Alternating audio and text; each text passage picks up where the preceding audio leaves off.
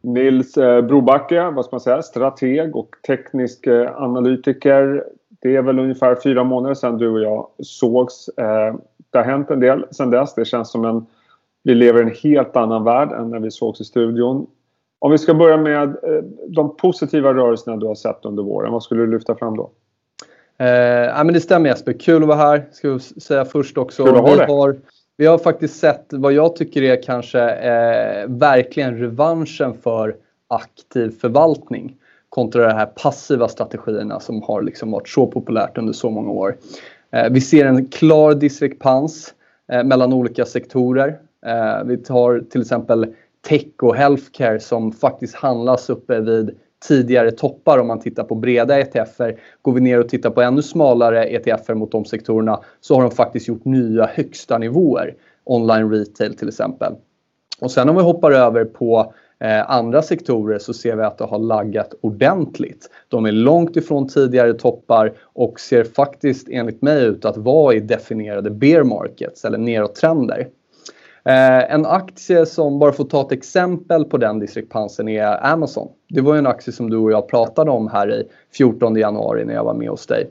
Eh, och det är faktiskt en aktie som har gjort eh, flera nya högsta. Vi handlas lite drygt 35% upp eh, sen dess och sen botten i mars 50% Hoppar vi å andra sidan över på till exempel Industrials, vi kan kolla på Financials, vi kan titta på US Small Cap, Energi ska vi inte ens prata om. Totalt slaktat. Vi har emerging markets, vi har europeiska banker. Jag menar, listan är lång på sektorer och länder som ser betydligt svagare ut än till exempel tech. Då, då. Men om, om man tittar på den här diskrepansen. Nu, nu har ju visserligen börsen varit ner här ett par dagar men det känns ändå som att det varit en hyggligt positiv trend sedan mitten av mars ungefär. Absolut. Eh, vad, vad krävs för att den här diskrepansen ska vända? För det är många som ändå tror att vi kommer få se en ganska stor återhämtning. Mm. Uh, hur tänker du kring det? Ja, men det är väl just det som du säger att det ska vända, att den ska dra ihop sig. Det jag vill se för att tro på att inte det här bara är ett väldigt kraftigt rally i en nedåttrend. Det är att vi ser de här sektorerna som har laggat, att de kommer tillbaka. Eh, det är att vi ser att räntemarknaden som vi kommer kolla lite senare på att den faktiskt börjar trenda upp. För den har inte gjort någonting sen botten sattes här eh, i mars. Och att vi ser att till exempel råvaror som olja och koppar börjar stabilisera sig. Det skulle vara ett styrketecken för mig, absolut. Och det vill jag också nämna att som det så ofta är att det som har gått relativt starkt i en uppgångsfas, till exempel tech, har eh, gått inte lika dåligt när det har gått ner och det har kommit tillbaka mycket, mycket starkare. Å andra sidan då det som har gått relativt svagt innan i uppgångsfasen. Det tar också mycket större smällar på nedsidan och har mycket svårare att komma tillbaka. Och jag tror att det spelet kommer fortsätta eh, att funka. Relativ styrka, relativ svaghet. Ska vi ta och titta på ett par grafer på hur börserna och räntorna ser ut. Vi börjar med S&P 500. När du och jag pratades vid i januari då sa du att nivån 3000 var väldigt viktigt. Sedan dess så brakade först börsen eh, ur den där. Eh, mm. För att sen nästan komma tillbaka. Eh, mm. Även om det varit lite svagt den sista tiden. Vad signalerar det nu?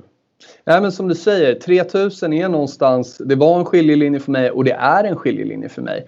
Eh, det är nivån som jag anser är liksom det man kan definiera om vi är i en, en bull en bear market tillsammans med mycket annat. Då. Och vi har inte kommit upp där ovan. Skulle vi etablera oss ovan den nivån så ser jag som ett styrketecken och då, det är nog också ett klimat där vi ser de andra laggande sektorerna eh, komma tillbaka lite. Men för mig eh, så har egentligen inte den tekniska bilden förändrats sen vi bröt under den nivån. Eh, det, det, är, det är väldigt lätt att bli positiv efter en sån här kraftig uppgång. Eh, men om man är nu kanske lite långsiktigare och inte varit inne och, och fångat den här liksom kraftiga nedgången tidigare här, då tror jag ändå att man har mycket att tjäna på att vänta på bekräftelse.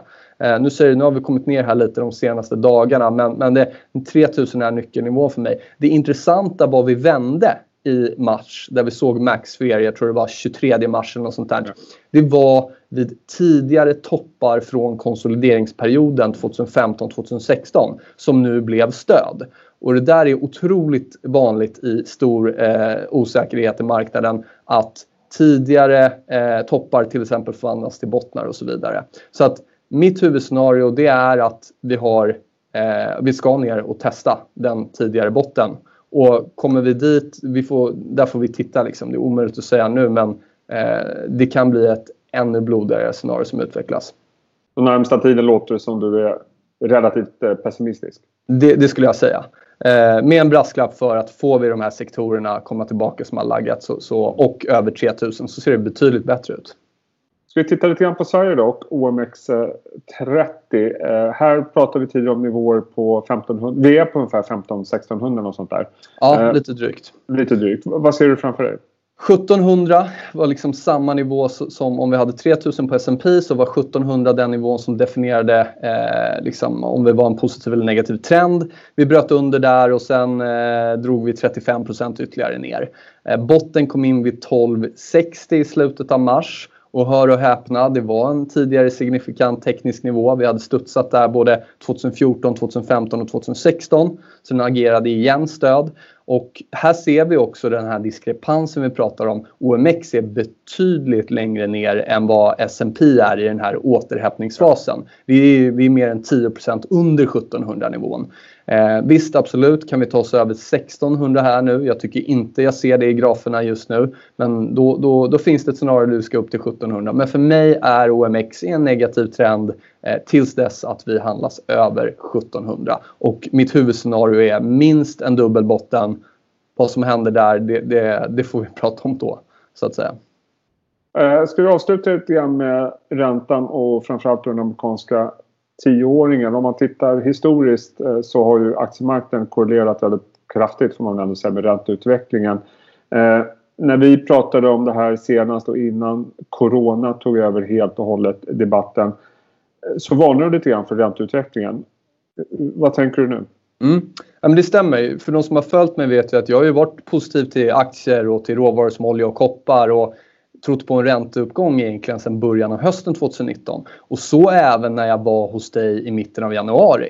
Eh, det som förändrades, och det tog bara två veckor, det var just att vi började se avförsäljningar i koppar och olja. Vi började se enskilda sektorer som inte gjorde nya högsta utan fallerade på tidigare toppar. Och så den här otroligt viktiga räntegången amerikanska tioåringen. 1,4 procent, det var den nyckelnivån som jag varnade för både i början av februari men även när jag stod med dig. Att skulle vi bryta under den nivån, vilket var ett all time low i räntor, så prisade in ett riktigt dåligt scenario och att det kunde vara starten på resan vägen ner mot 0 procent i USA. Mm. Eh, vi har nollränta i stora delar av världen. Eh, vi har det ännu inte i USA. Eh, men det är verkligen någonting som, som inte kommer vara bra eller inte skulle vara bra för aktiemarknaden. Till skillnad mot vad många tror eh, det är att låga räntor skulle vara positivt för aktiemarknaden. Men det man måste titta på då om vi backar tillbaka lite i historien vi kan ta en längre tidshorisont eh, eh än det, men låt oss gå tillbaka 20 år. 99, räntan började trenda ner. Vad hände sen ett år efter? 2007, Räntan satte en topp och började trenda ner. Vad hände efter det? Eh, stora, alltså vi fick ju riktiga recessioner och, och, och liksom bear markets. Även 2018 när vi satte en räntetopp på 3,25% så fick vi kraftiga avförsäljningar. Vi fick förvisso ingen liksom riktig bear market men, men det blev ordentligt med sälj. Och nu då återigen när vi gjorde nya lägsta eh, i mitten av februari så, så föranledde det eh, det här stora raset i aktiemarknaden. Och eh, det var något som jag hade tittat på innan. Det var också något som jag varnade för i finansiella medier. Och ehm, som, som bekant så är det ju inte så att allting går liksom ett till ett utan det tog ju faktiskt ett par veckor till för tech och, och sådär och, och breda S&P och Nasdaq att toppa ur. Men sen kom den här eh, riktiga smällen. Och jag hoppas att jag får fel. Jag tror att vi kan få nollränta. Eh, men jag hoppas att jag får fel. För med allt som händer i världen så skulle det vara otroligt skönt att se att räntor börjar trenda upp igen. Det skulle vara ett styrketecken för aktiemarknaden tillsammans med att sektorer som har laggat börjar också gå bra igen. Tyvärr ser jag inte det i grafen. Mitt huvudscenario är att vi ska ner till noll. Eh, och så länge liksom vi inte får... Eh, det, det, vi handlas nu vid 0,65 och jag tror low var 0,5 procent. Jag ser liksom inte att, att, att det är en, en, botten som bildas ännu. Så att tyvärr, mitt huvudscenario är fortsatt låga räntor, ner mot noll i USA och därmed är vi är i en negativ marknad för mig. Mm, jag hoppas du får fel också Nils. Eh, men eh, tack för att du tog dig tid och berättade om vad du ser i de här graferna. Vi får väl köra en uppdatering här om inte allt för... Vi får inte vänta fyra månader till tycker jag för det här Nej. är viktigt att höra i dessa dagar. Nils Brobacke, tusen tack för att du tog dig tid och ha en riktigt fin dag. Tack själv Jesper.